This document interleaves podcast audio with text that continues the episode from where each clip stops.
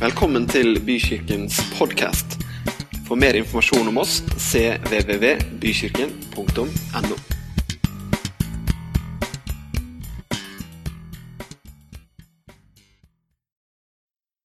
Men dere jeg har lyst til å fortelle en historie om en kar som dere ser på veggen her.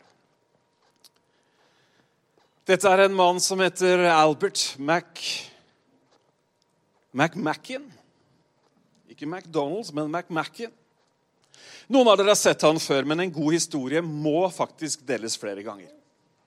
I USA på 1930-tallet, midt i en situasjon hvor eh, Ja, vi kjenner 30-tallet i USA. Jeg skal ikke gå i detaljer på det. Så er denne mannen her 24 år gammel. Og så er det en kar, en evangelist, som har noen teltmøter og noen ute, noen gatemøter, hvor han preker om Jesus. Og den her eh, Albert, han eh, som bor i en liten landsby, han er bonde. Hver kveld etter han er ferdig å jobbe, så drar han inn til den lille bykjernen, og så hører han på en kar som heter Mordekai Ham. Det er jo litt av et navn i seg selv. Men han tar imot Jesus.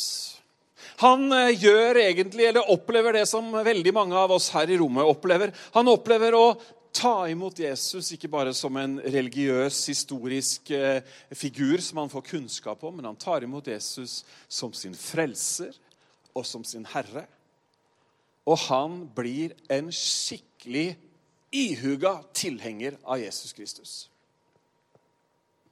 Det treffer han skikkelig, og han, det er det han tenker på om dagen når han er på jobb. det er at Nå, nå, er, det, nå er, det, en ny mulighet i kveld, osv. Og, så og fordi at dette her har truffet han så sterkt, så, så gjør han noe som er veldig naturlig når man har opplevd noe i livet sitt sjøl. Han begynner å invitere med seg andre mennesker på de her møtene. Dra med seg andre unge folk i 20-åra. Han har en bil. Du kan få se på den bilen nå. skal vi se, Som ser sånn ut. Og han fyller lasteplan og, og det som er av førerhus, med andre unge mennesker. Og så drar de, og så hører de på denne evangelisten som preker om Jesus. At han er full av nåde. At han er kjærlig, at han elsker alle. Og budskapet det fenger kveld etter kveld. Men det er én som Albert aldri får med seg. En ung mann. En ung, stilig mann en som har skjønt at eh, det finnes eh, annet enn jobb og utdannelse. Det finnes noe som heter jenter, og han var populær blant jentene. Og han får liksom Hver gang liksom når han kjører runden og samler opp og inviterer og blir med, så glipper han her. liksom, Nei, aldri blir han med. Men det her ligger Albert skikkelig på hjertet. Så han tenker jeg må jo få med meg han her kameraten min også. Og så En dag så sier han til kameraten som da er en del år yngre, og som ennå ikke har lov til å kjøre, så sier han du, du, du, hvis du blir med på møtet i kveld, så skal du få kjøre bilen sjøl. OK, jeg får kjøre, bare for å bli med. Og så tar han tilbudet. Han setter seg bak rattet, kjører, og så blir han med og hører på Mordekai. Og så blir han så fengsla av det han hører. Det er ikke det at han bestemmer seg for å følge Jesus den kvelden. Ikke neste kveld heller. Men kveld etter kveld så hører han om Jesus, om frelse, om nåde og tilgivelse. Og en dag, en kveld rettere sagt, så er han blant dem som sier ja, jeg vil også ta imot Jesus. Så blir han frelst. Han blir en kristen. Denne mannen heter Billy. Vi kjenner han som Billy Graham. Etter andre verdenskrig definitivt verdens største evangelist. Den forkynneren som har påvirka verden mest.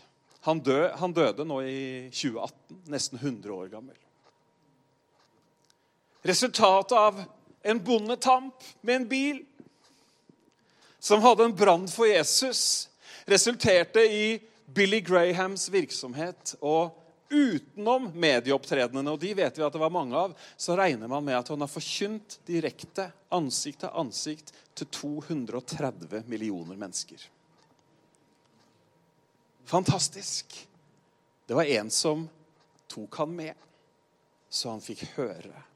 Og så skjedde det en total forvandling i livet hans. Steinar, kan ikke du komme opp hit?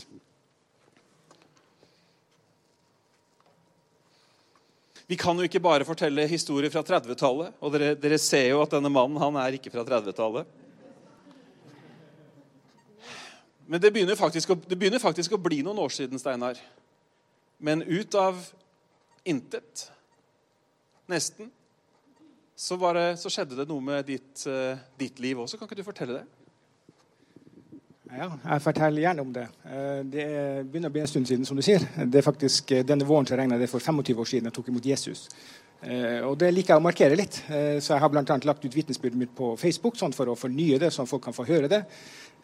Og legge god vekt på at det er akkurat 25 år siden. Det gir muligheten for å snakke om Jesus ikke sant, med folk, og også nå for deg. Og jeg gjør gjerne det.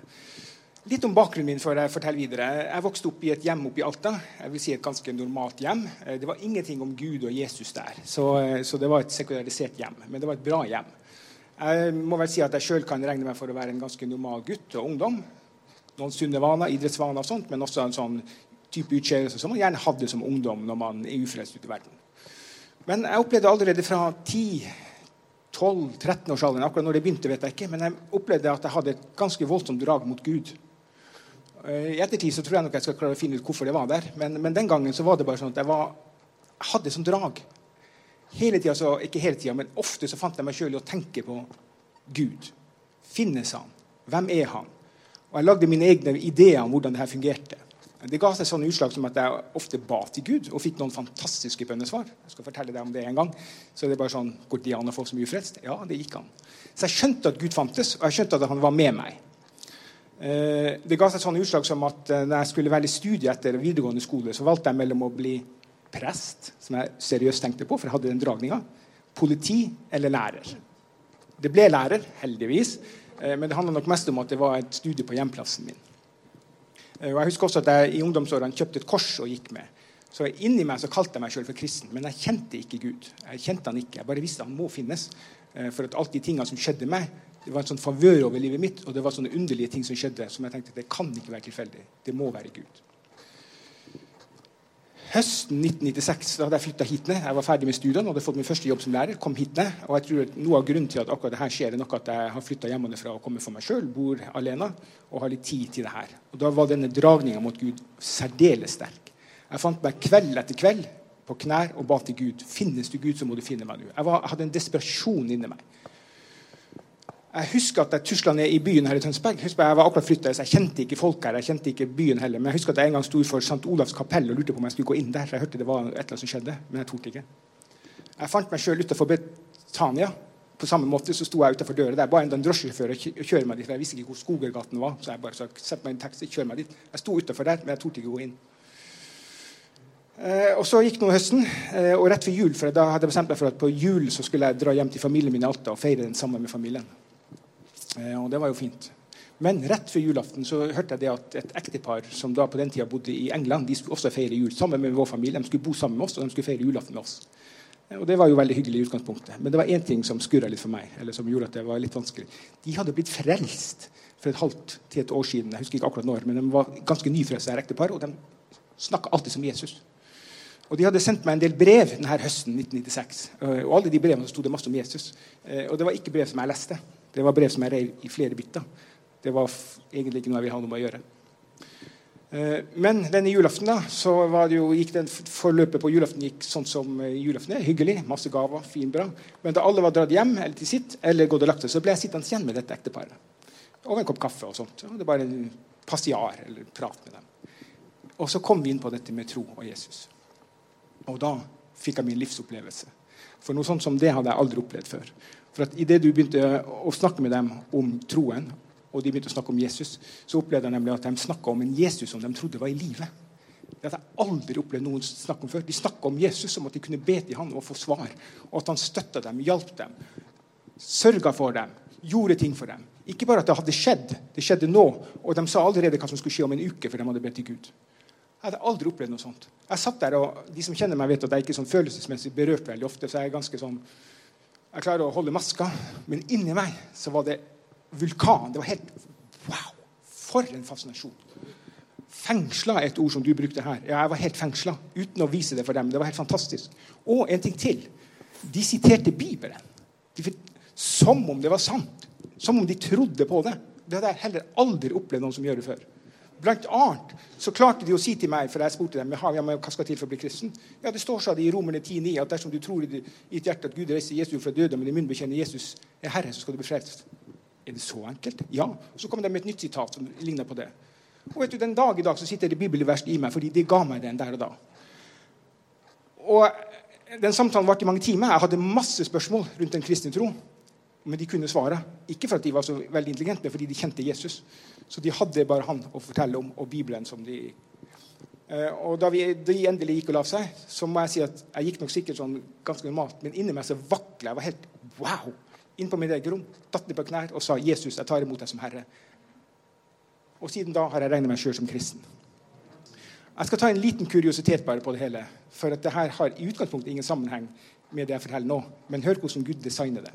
Noen dager før dette skjer, så hadde jeg, så hadde jeg en venninne oppe i Alta på den tida. Og hun ville så gjerne på første juledagsgudstjeneste. Så hun inviterte meg med. Av alle ting så skulle hun til eh, Philadelphia i Alta. Så klokka 11 på første juledag så er jeg da altså i min første gang i en frikirke i en pinsemenighet. Og jeg er helt super nyfrelst. Da sitter jeg der altså noen noen få timer gammel i Herren. ikke sant? Og så sitter jeg der i et møte. Og den første sangen som ble sunget der, jeg elsker jo denne lovsangen her, er fantastisk, det var 'Navnet Jesus'. Blekner aldri. Så det glemmer aldri. Men tenk dere det, at disse her menneskene De fortalte forresten senere at Gud hadde vært veldig tydelig på dem at de skulle dra til Alta. For jeg har et oppdrag til dere der oppe. De visste ikke at det var meg. Jeg fortalte dem mange måneder etterpå at det skjedde. Og de hadde egentlig skjønt at det var derfor, men de hadde visst at Gud sendte dem fra England til Alta for å fortelle meg om Jesus. Konsekvensen jeg står her i dag, og jeg er redd for evigheten. Takk og pris. Fantastisk.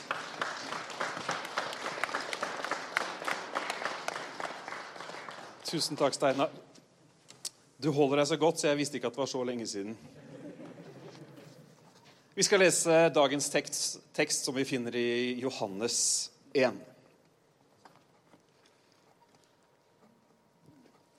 Dagen etter sto Johannes der igjen sammen med to av disiplene sine. Da Jesus kom gående, så Johannes ham, det er døperen Johannes, eh, så Johannes på ham og sa, 'Se der, Guds lam.' De to disiplene hørte hva han sa, og fulgte etter Jesus. Jesus snudde seg og så at de fulgte ham, og han sa, 'Hva leter dere etter?' De svarte, 'Rabbi, hvor bor du?' Rabbi betyr lærer. 'Kom og se', sa Jesus. De gikk da med han og så hvor han bodde, og de ble hos ham den dagen. Det var omkring den tiende time. Andreas, Simon Peters bror, var en av de to som hadde hørt det Johannes sa, og som hadde fulgt etter Jesus. Han fant nå først sin bror Simon og sa til han, 'Vi har funnet Messias.' Messias betyr 'den salvede'. Så førte han Simon til Jesus. Jesus så på ham og sa, 'Du er Simon, sønn av Johannes.' Du skal hete Kefas. Det er det samme som Peter. Vi er midt inne i situasjonen hvor Jesus han går rundt og utfordrer mennesker til å være hans etterfølgere, hans disipler, på alvor. Johannes, fetter til Jesus, døperen Johannes, han har både mellom linjene og helt direkte sagt at For mange trodde jo at når Johannes kom, at han var Jesus fordi han gjorde mektige ting, og folk strømma til, og han døpte folk osv. Men hele tiden så sa døperen Johannes det finnes en som kommer etter meg, en som er sterkere. Jeg er ikke engang verdt til å løsne sandalreimene hans. Det kommer en som ikke døper med vann, men som døper med ild. Og Andreas da, og denne andre disippelen til Johannes de var jo allerede Johannes-disipler, de var jo kjempenysgjerrig. Så du kan jo tenke deg hvor, hva slags, hva slags begeistring eller hva slags følelser det vekker når de plutselig hører Johannes si 'Der er den'. Må vi huske, og det tenker ikke vi på, må vi huske at det i hele jødiske folket eh, har, har vært en mange, mange hundre år lang Messias-forventning. Det kommer til å komme én. Det har de hørt av besteforeldrene sine. Det fortalte besteforeldrene til besteforeldrene. Det hadde profetene skrevet om. Det hadde de fått opplest i synagogen på sabbaten. De visste at det skal komme en, en som er Messias, Guds salvede, han som liksom er redningen. Han kommer til å komme i et langt tidsperspektiv. Og plutselig så står de der. Og så er han der. Kanskje vanskelig for oss i det hele tatt forestille oss hvordan, hvordan er det egentlig liksom å, å, å, være til stede sånn midt i kirkehistorien. Vi leser om det jo nå i etterkant.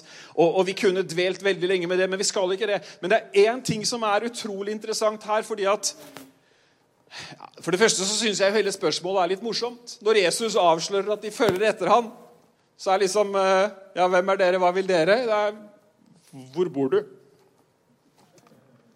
Altså, du har, du har Herrens salvede, du har Messias foran deg, og du har anledning til å stille et spørsmål, og det du lurer på, er hvor bor du? Kanskje de kan lære oss at ingen spørsmål er for dumme. vet du. De fikk i hvert fall bli med hjem, de fikk bli kjent med han osv. Og, så og så skjer det noe med den her Andreas, for han skjønner jo Han får jo tak i at dette er jo Jesus, dette er jo Messias. Og så gjør Andreas noe som engelskmennene på besøk i Alta gjorde, som Albert gjorde. Hva, hva, hva, var det de gjorde? Jo, han bringer det videre. Det står at Andreas førte han til Jesus. Han dro altså til, eh, dro og fant broren sin Simon, og så sa han, 'Vet du hva, nå må du komme.' Nå, nå, nå, nå, er faktisk Jesus her. Nå kan du også få oppleve Jesus. Vi har funnet Messias. Simon, kom. Bli med. Du kan også få oppleve han. Og så er det nesten en sånn der Albert Billy Graham-historie, bare i, uten sammenligning for øvrig, men i en enda større dimensjon. For hva blir Peter etter at han har møtt Jesus? Allerede i første møte med Jesus så sier Jesus, 'Du skal hete Kefas'. Du skal bli klippen. Du skal bli den grunnsteinen, du skal bli det fjellet hvor jeg skal bygge min menighet på. Og nå er jo Peter han er jo en interessant person. Jeg, jeg elsker Peter. Jeg syns han viser hele spekteret av menneskeheten. Det er liksom følelsene på utsiden. Overreagering. Det er grublingen. Det er liksom Han er på mange måter en unge hele veien. Men så er han også den som på pinsefestens dag, etter at Jesus har fart opp og Den hellige ånd har kommet over ham, så er han den som hever røsten sin med en ny autoritet og sier, 'Jødiske menn, det som skjer nå, er det som profeten Joel har talt om.' Så Peter han, han får en enorm betydning som apostel. Og, og, vi står jo på mange måter på hans skuldre også, og på Paulus sine skuldre, når vi i dag har et grunnlag for vår tro. Men jeg har ikke lyst til å snakke så mye mer om Peter, jeg har lyst til å snakke om Andreas. Overskriften min i dag er 'Andreas'. Vi leser utrolig lite om Andreas. Andreas er liksom broren til Simon. Han blir alltid introdusert som broren til Simon. Han er liksom ikke den han egentlig er, men han er broren til en annen enn en som er mer kjent enn seg selv. Vi møter Andreas litt seinere. Dere husker situasjonen med fem, over 5000 mennesker langt ute i ødemarka som er sultne. Dere skal gi dem mat, sa Jesus. Det er Andreas der igjen som det bindeleddet. Og så tar han en gutt. Det er en gutt her som har fem brød og to fisk. Så fører han han gutten til Jesus, og så velsigner Jesus brødet og fiskene. Og så blir det mat nok til andre. Men er, det, er jo, det, er jo, viktig nok det at han var den som faktisk liksom fikk det til å skje. Litt seinere ser vi Andreas i eh, en annen situasjon hvor det er noen grekere som kommer i kapittel 12 i Johannes, noen grekere som kommer og sier at vi vil gjerne se Jesus. De sier det til Philip, og Philip han lurer på hva skal vi gjøre når noen sier de vil se Jesus. Jo, han går til Andreas, og Andreas og Philip tar de med til Jesus.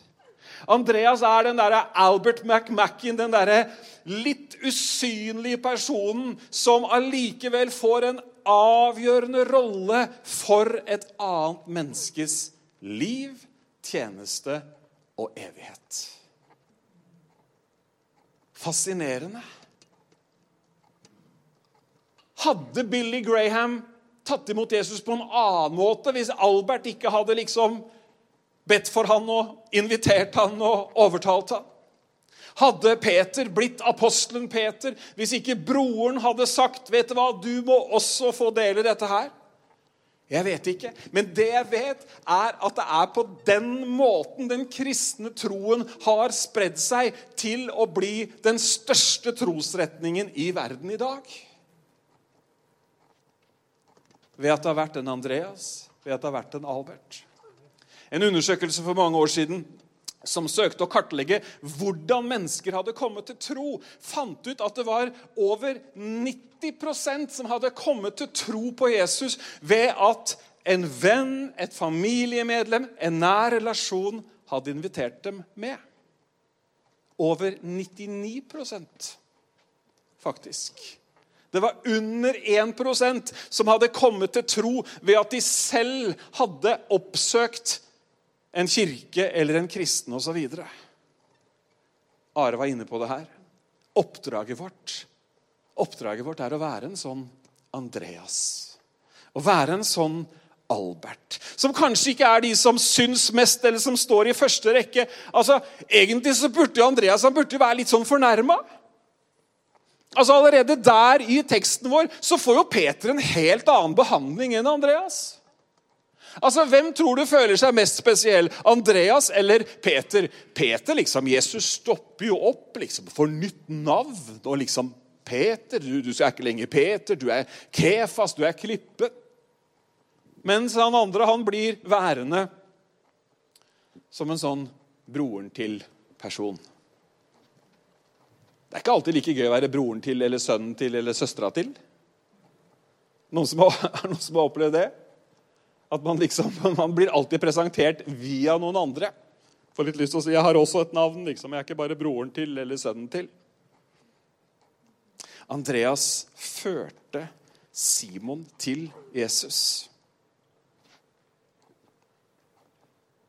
Den tidligere erkebiskopen i Canter, Canterbury i England han skrev en bibelkommentar til Johannes evangeliet. Og som kommentar til dette verset, nemlig at Andreas førte Peter til Jesus, så skrev han det er kanskje den største tjenesten et menneske kan gjøre for et annet. Å være det bindeleddet, den som inviterer osv. Og, så og det er et ansvar vi har. Å føre noen til Jesus og være den som inviterer, Tenk hva konsekvensene er for det mennesket som får oppleve tilgivelse, får oppleve Guds nåde og får oppleve å bli frelst og være redda for evigheten. Det er jo fantastisk. dere. Det er evangeliet, det er gode nyheter, og det er noe som hele verden rundt oss trenger.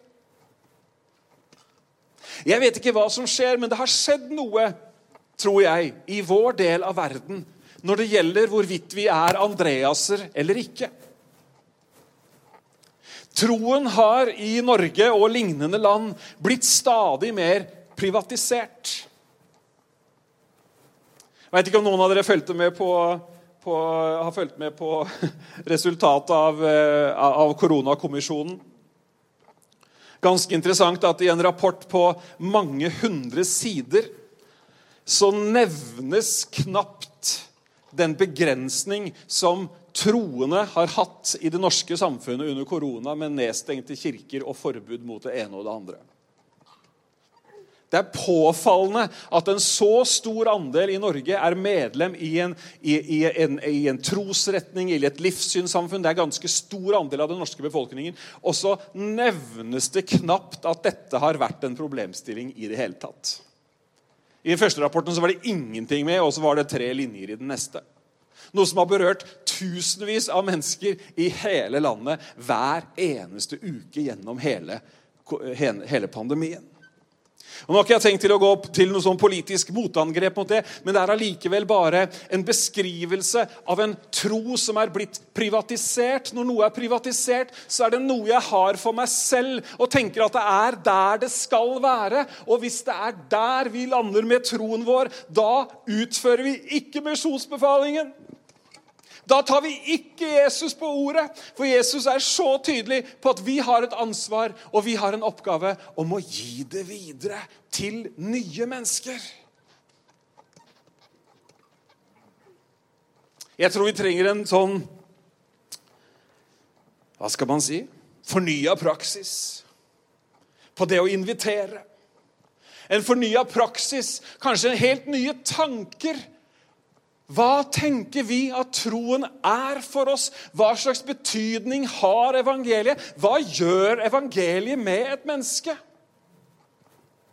Evangeliet endrer livskursen totalt. Evangeliet er veien der hvor et menneske begynner å gå mot å bli det mennesket som Gud har skapt det til å være, nemlig i Guds bilde. Det er evangeliet. Den døra åpnes opp, og mennesket kan få oppleve tilfredshet, mening og hensikt. Og det er noe alle mennesker bør få lov til å oppleve. Vi er ikke ment til å leve en, som en skygge av oss selv, som et resultat av det ene og det andre. Nei, vi er ment å leve et liv i relasjon med Gud, og det er mulig ved å ta imot Jesus Kristus som vår frelser. Og Det er derfor vi er til, som du var inne på i stad, Are. Det er derfor vi er til. Men vi merker, og vi ser at en privatisert tro også gjør at vi ikke nødvendigvis tenker at dette angår de neste. Og at vi kanskje til og med tenker at det er litt sånn invaderende å invitere noen med til noe som har med tro å gjøre, fordi vi har definert tro som så privat og så personlig at det er noe vi ikke snakker med noen andre om. Jeg vet ikke åssen det er med deg, men jeg har hatt perioder i livet mitt hvor jeg har når det med tro og det ene og det andre har kommet opp som tema, har forsøkt å snike meg litt unna den praten. Over lunsjbordet eller over hekken. Det var selvfølgelig før jeg begynte som pastor. Bare så det er sagt. I alle dager, hva er det han står og sier? Nei, men du vet, Jeg er også et menneske av kjøtt og blod, akkurat som deg. Og, og, og, man har kanskje også fordi at man har fått et sånt inntrykk at dette er privat, og dette holder jeg for meg selv, eller man får beskjed om at vet du, du får tro hva du vil, men hold det for deg sjøl. Ingenting i samfunnet skal påvirkes av det. Ingenting, eller, eller, ikke sant? Alle disse tingene som før var opplest og vedtatt, det nå, det utfordres. Og det vært liksom behagelig å skifte tema litt sånn elegant? Jeg er helt sikker på at noen kjenner seg igjen. Hva vil de si? Andreas, han Han tenkte i hvert fall ikke på det overfor broren sin, for han var helt lamslått. Vi har funnet Messias! Altså, Det var en begeistring over personen Jesus. Redningsmannen har kommet. Han som skal ordne opp. Han som er livet selv. Vi har funnet han. Du må komme og se, du også. Det var det Albert hadde oppdaga etter å ha vært på disse møtene. Han hadde jo møtt Jesus. Det var jo en kraft, det var jo noe som hadde skjedd på innsiden, som gjorde at han kjørte rundt og samla opp de andre og dro de med. For flere må jo få smake dette her. Kom og se. Kom og smak. En undersøkelse i USA, og jeg vet at jeg har referert den før, men det er ikke sikkert alle har fått det med seg. vet du. En undersøkelse i USA stilte spørsmålet hadde du blitt med på gudstjeneste hvis noen hadde invitert deg. Spørsmålet ble da stilt til noen som ikke går på gudstjeneste. Vet du hvor stor andel prosentvis som svarte at ja, jeg hadde, hadde vilt være med? 82 Og så må vi jo trekke fra litt. da, Det er USA. Men tenk hvis det er 42 da i Norge. Eller ca. halvparten av de som, de som blir spurt om å være med, faktisk blir med. Kanskje det er flere enn Steinar som har det sånn at det har foregått noe kanskje over tid i, på innsiden. Det finnes en dragning, man vet ikke hva det er. Skal jeg bli buddhist, eller er det Jesus, er det Gud? Kanskje det er flere som har bedt bønnen. Finnes du Gud, så må du koble meg på et eller annet. Svaret på om det finnes flere av den type mennesker, er ja. Det er ja både fordi at det er historien, og det er mange som har den historien. Og det er Bibelen. Bibelen sier at Gud har lagt ned evigheten i alle mennesker. Det betyr altså at hvis du spiller på de strengene som handler om Jesus osv., så, videre, så, så finnes det i større eller mindre grad en resonans inne i det mennesket. Den er kanskje ikke umiddelbar. Det er ikke sikkert de reiser seg sånn som Peter, blir med med en gang og er liksom disippel nummer én. For noen så skjer det sånn. For andre så skjer det mer som en prosess osv. Og, så og det er egentlig ikke opp til oss. vet du hva? Det er ikke du og jeg som skal frelse en eneste én. Og det er jo veldig bra. Jeg vet, jeg vet sannelig ikke hva slags frelse jeg skulle kunne tilby. altså, jeg vet, jeg vet, ikke om jeg hadde kunnet gi, gi tilgivelse som hadde på en måte forandra noe som helst. Jo da, på et mellommenneskelig nivå, men ikke en tilgivelse, den som Jesus gir som fjerner det som skiller mennesket mellom Eller det som skiller mellom mennesket og Gud. Er ikke det fantastisk? Dere Stopp opp og tenk litt på det. Mellom Gud og menneske så finnes det noe som skiller. Det finnes noe som gjør at mennesket ikke kan ha kontakt med sin far, kontakt med sin opprinnelse, kontakt med hva skal man si, idealbildet av det å være menneske. Det finnes et skille. Det går ikke an. Man, det, man kommer ikke gjennom. Men så kommer det én. Og Bibelen kaller det ikke bare et skille, det kaller det, han kaller det eh, wall of separation, kaller det en, en skillevegg. Og så står det om Jesus at han tok bort den skilleveggen. Det står i brevbrevet at han åpnet en ny og en levende vei helt inn til far. Det er gode nyheter, folkens. Vi kan med frimodighet være som sånne Andreaser som sier, 'Ja, men kom og se'. En ting som ofte skjer noen ganger, er at vi, hvis vi tar et tankeeksperiment nå nå, nå, gjør jeg det bare, og så eh, trenger jo ikke du, du tenker sikkert ikke sånn. Men jeg kunne f.eks. tenke, hvis jeg hadde tenkt at jeg, jeg, jeg, har lyst til å invitere noen med på gudstjeneste, så kunne jeg komme i fare for å havne i en tilstand hvor jeg svarte på vegne av de jeg hadde tenkt å invitere. Skjønner du hva jeg mener? Hvor jeg, hvor jeg liksom kanskje, kanskje hadde havna der at ah, Jo da. Jo da. Alle trenger jo Gud. Men jeg vet ikke helt om hun der hadde passa helt inn. Er det bare jeg som er sånn? Ingen andre har tenkt sånn. Nei, ingen tør å si det. i hvert fall. Det er helt klart. Eller så kunne jeg kanskje tenkt at jo da Håper virkelig at Gud sender noen i deres vei, men jeg ser liksom ikke helt for meg hvordan. Ikke sant? Det er ikke sikkert noen hadde sett for seg at du skulle sitte her en søndag formiddag heller. Det er ikke sikkert, det. Men vi har alle fått adgangen. Vi har alle mottatt Jesus, vi har alle blitt tilgitt osv. Så, videre. så la oss ikke ta avgjørelsen på vegne av folk, men la oss invitere. La oss dele de gode nyhetene. Vi har funnet Messias. Så er det ikke vi som skal gjøre mirakelet som det en gjenfødelse er. Men det er Gud ved sin hellige ånd som gjør det i mai og juni Det er 1. mai i dag. Så kommer vi fra ulike vinkler og med ulike historier og ulike temaer så kommer vi til å fokusere på det som vi kjenner som bro til tro. Noen av dere så kanskje at det ligger en bok ute i gangen der som mange har lest, og som flere kan lese, som, som handler om nettopp det jeg snakker om i dag. Det med å være en Andreas, det med å være en Albert, det med å be for mennesker. Akronymet BRO står for bønn. R-en står for relasjon, og O-en står for ord.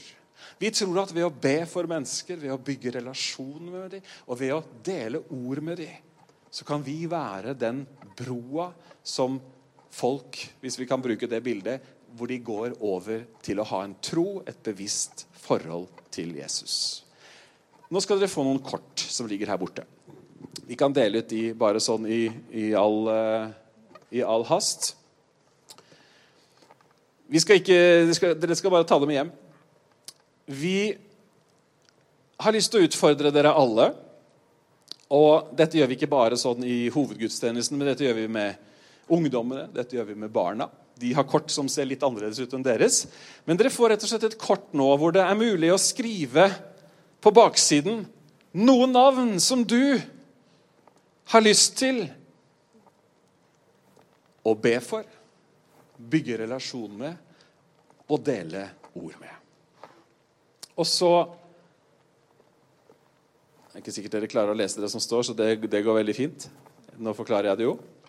Og så kommer vi i, i, uh, i tiden framover til å Vi kommer jo ikke til å snakke bare om dette her, altså, men vi kommer til eh, i gudstjenestene, på slutten av gudstjenestene så kommer vi til å ha et sånt lite møtepunkt, holdt på å si, eller et lite punkt i programmet, hvor vi tar fram kortene Kanskje du til og med vil ta et bilde av kortet etter at du har skrevet det, så du har det på telefonen. Så tar vi fram kortene, og så ber vi felles for de menneskene som vi ønsker at skal komme til tro. Du kan skrive hvor mange navn du vil, men kanskje tre, fire, fem navn holder. Kanskje noen allerede nå mens vi har snakka om det, har tenkt å, vet du hva? Han der på jobben. Hun der i nabolaget. Jeg har så lyst at de også skal få oppleve Jesus.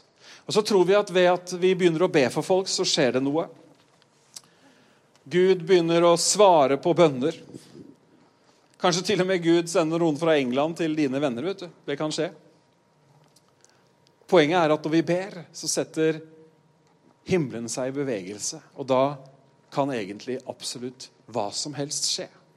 Og så tror vi på det å bygge relasjoner. Det skal vi snakke om Eh, en av de neste søndagene. Og vi tror også på det å helt konkret dele ord, dele historiene våre, dele opplevelsene våre. Eh, at det kan være en veldig god hjelp, sånn at flere mennesker kan komme til tro. Høres ikke det bra ut? Kjempefint. Og så tror vi at det har en altså Jeg vet at noen, dere, noen gjør dette her allerede, men, men det har en sånn Altså, det er en hjelp, da når vi, når vi gjør dette sammen som menighet. Sammen så løfter vi dette opp, sammen så ber vi for de som vi har på, på kortene våre. Og det er ikke noe mer det er, ikke, det er, ikke, noe spesielt med kort. Det er ikke sånn prosjektbeskrivelse. Det er, en, det er bare som en huskelapp, egentlig. Og så tror vi at flere mennesker skal få lov å oppleve troen på Jesus Kristus.